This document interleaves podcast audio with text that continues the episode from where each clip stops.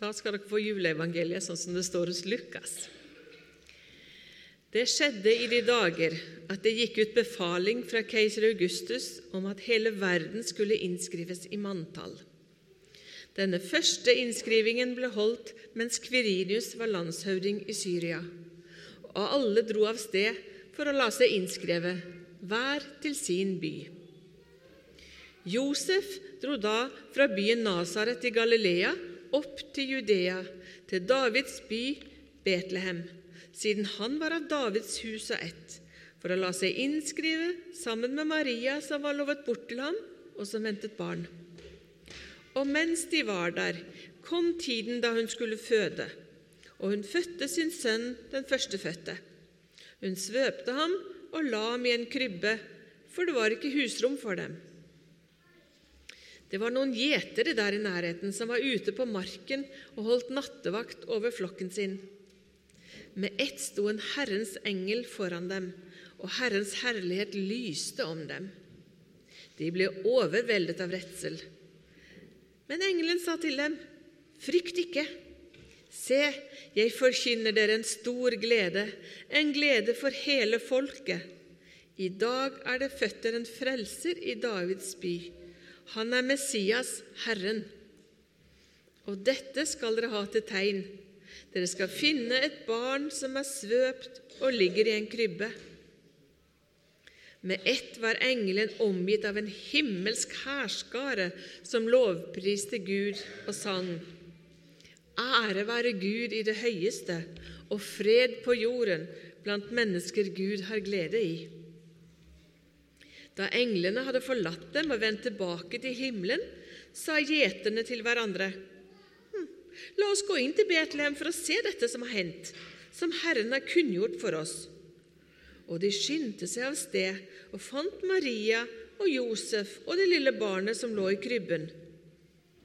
Da de fikk se ham, fortalte de alt som var blitt sagt dem om dette barnet. Alle som hørte på, undret seg over det gjeterne fortalte. Men Maria tok vare på alt som ble sagt, og grunnet på det i sitt hjerte. Gjeterne dro tilbake. De lovet og priste Gud for alt de hadde hørt og sett. Alt var slik som det var sagt dem. Slik lyder Herrens ord. En enorm forventning fram mot jul. Og det handler litt om at jeg har jeg har en tro på at Jesus skal gi meg en gave før jul. Og Da er jeg alltid spent på om å oppdage gaven i år. Eller er det sånn liksom at han går med litt hus forbi, midt i alt som skjer? I fjor fikk jeg en nydelig gave, og det kom via en konfirmant. En konfirmant, De hadde skrevet hva de tenkte sjøl, og så husker jeg en hadde skrevet at eh, jeg kan være meg sjøl når jeg er sammen med vennene mine. Og så la hun til jeg tror Jesus liker å se meg glad. Jeg tror Jesus liker å se meg glad. Og Så begynte den å spinne, deg, og så dukket det nettopp opp i juleevangeliet. Blant mennesker som Gud har glede i. At Gud faktisk gleder seg over over å være sammen med deg. Men det var i fjor. Eh, Jeg lever litt på den ennå, for den har fulgt meg liksom gjennom året. Og den har ikke bare fulgt meg i det liksom å måtte tenke på jula, men så har jeg tenkt hm, kanskje det òg kan være en gave som jeg kan gi. Jeg kan gjøre andre glad med å dele noe eller finne på noe eller gjøre noe. Og så oppdager jeg en liten ting med det nå rett før jul. Og så lurte jeg på er det gaven min i år. Men det var jo gaven i fjor. Nei, det var ikke det. Men jeg ble i hvert fall veldig glad for det. Jeg oppdaget én ting. Og det var det at de som jeg har gjort noe for i løpet av året, og funnet på ting eller gitt en gave Det er ikke bare det at de ble glad for å ta imot gaven, men de ble glad for å få den fra meg. Det var som om jeg fulgte med gaven. Det var ikke bare gaven, men det var Oddbjørn pluss gaven. Og Det synes jeg var en fin tanke. at Det er ikke bare gaven, men det er meg og gaven. Så det har jeg kost meg litt med i advent. Men så, så sa jeg men skal det være måte, greia i år? Nei, nei, jeg har noe nytt til deg, syns jeg at Jesus hvisker til meg. Tampen brenner. Åh. Kan du ikke gjøre det litt tydeligere, Jesus? Hvorfor skal du måtte komme med tampen brenner? At jeg må finne ut av det sjøl? Men så er det litt sånn med ting jeg må jobbe litt for å finne ut av, så blir jeg mye mer glad når jeg finner ut av det. Og det rare var at jeg, jeg fikk det første hintet allerede i oktober. Så Gud var ute i god tid. Det var bare det at jeg fulgte ikke helt med. Og Den gaven som kom i oktober, det var denne tegningen fra ei gutt eller jente i barnehagen. Og Den fikk vi av en prest som heter Odd Eidner, som var her på frivillighetskonferansen. Og som snakket om det at vi har forskjellige rom i hjertet vårt. Og så hadde denne jenta tegnet forskjellige farger når hun var glad, når hun lekte. Kjærlighet, som hun sa. Den røde måtte jo ha kjærlighetsfargen. Det har hun fått med seg. Og så var det brune. Det var liksom når en ble litt skitten og fant på noe tull og tøys. Og så var det den lilla. Og for henne var det sorgrommet. Det var liksom den triste ting skjer. Og Hun hadde kanskje opplevd å miste ei bestemor eller oldemor. Og da hadde du òg opplevd at det er triste ting som skjer i livet. Og Odd Eidner synes jeg snakket så fint om det der at vi kan få lov til å være hele oss. Og inn mot jula har jeg tenkt på det. At vi kan være hele oss med alt det som vi bærer med oss av kjekke ting og òg av triste ting.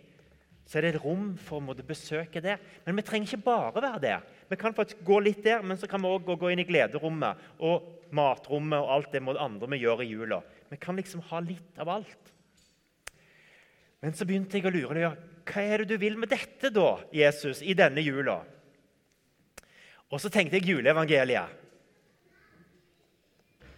De undra seg over det gjeterne fortalte. Jeg har alltid tenkt at de undra seg. De ble forundra, de som hørte det gjeterne fortalte. Men jeg er ganske sikker på at det det står, og det som de opplevde, de var skeptiske.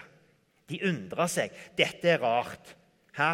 At Gud skal komme som en liten gutt i en stall, og at dere har sett engler ute på marka. Hæ?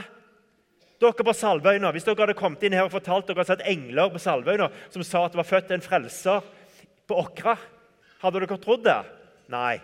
Jeg hadde iallfall aldri trodd på det. De undra seg, for de var skeptiske. Men Maria tok vare på alt og grunna på det i sitt hjerte. Og det har vært min gave.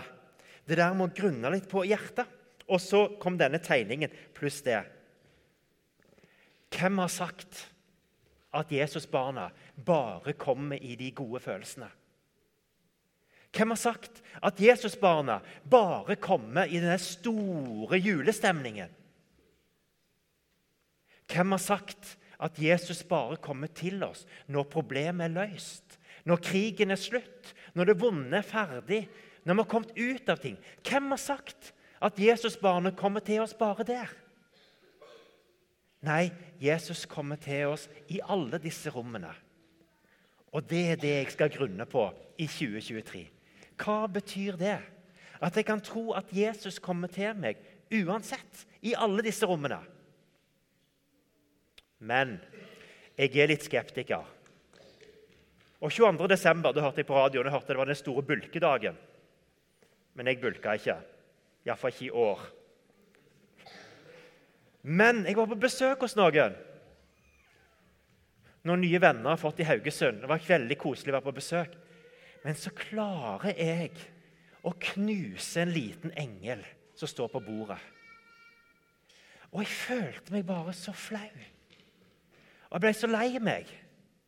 Liksom For en klums du er, Oddbjørn, sa jeg til meg sjøl. Og så gikk jeg på do og så sa jeg, Kjære Gud, nå har jeg klumsa det til. Kan du hjelpe meg? Skal jeg fortelle deg en hemmelighet? Det hjalp ingenting. Jeg var like lei meg og like flau, og følelsen av at kvelden ble ødelagt. Litt sånn, fordi Jeg kom meg aldri ut av den der vonde følelsen.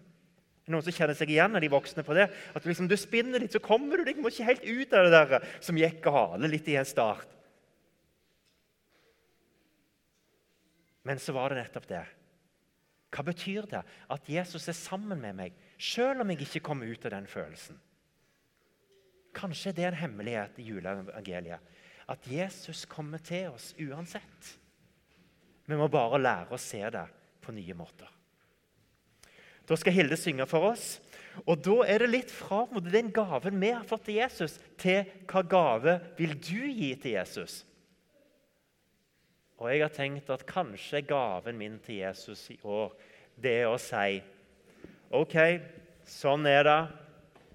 Den flaue følelsen er der. Men kanskje jeg skal gi det som en gave. Og den flaue følelsen.